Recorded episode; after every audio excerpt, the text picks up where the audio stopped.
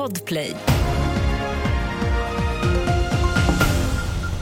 Här är senaste nytt. Den 20-åriga kvinnan fälls för mord på Tove i Vetlanda och döms till 16 års fängelse. Den 19-åriga kvinnan som dömdes i tingsrätten frikänns från misstankarna om mord. Det meddelar Göta hovrätt.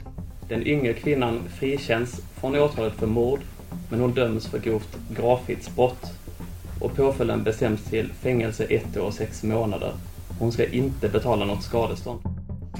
Det sa hovrättsassessor Viktor Wetterö på en pressträff för en liten stund sedan. En tredje person har gripits efter terrordådet i Bryssel förra måndagen där två svenskar dödades och en skadades.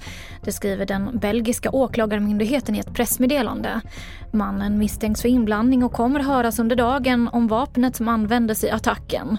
Tidigare har två män frihetsberövats i Paris misstänkta för kopplingar till den utpekade terroristen som sköts till döds av polis efter dådet. Var fjärde företag i Sverige saknar rutiner för att förebygga risker med digitalt arbete.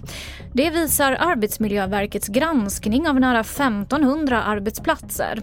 Att jobba mer digitalt med ny teknik och på distans kan öka risken för bland annat teknikstress och utmattning av hjärnan. Och de kritiserade företagen får nu krav på sig att åtgärda bristerna och ta fram nya rutiner. Med nyheter på tv4.se. Jag heter Emily Olsson.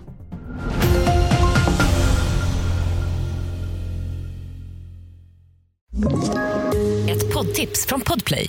I podden Något Kaiko garanterar östgötarna Brutti och jag, Davva, dig en stor dos skratt. Där följer jag pladask för köttätandet igen. Man är lite som en jävla vampyr. Man har fått lite blodsmak och då måste man ha mer. Udda spaningar, fängslande anekdoter och en och annan arg rant. Jag måste ha mitt kaffe på morgonen för annars är jag ingen trevlig människa. Då är du ingen trevlig människa, punkt. Något Kaiko, hör du på Podplay. Därför är gardinerna.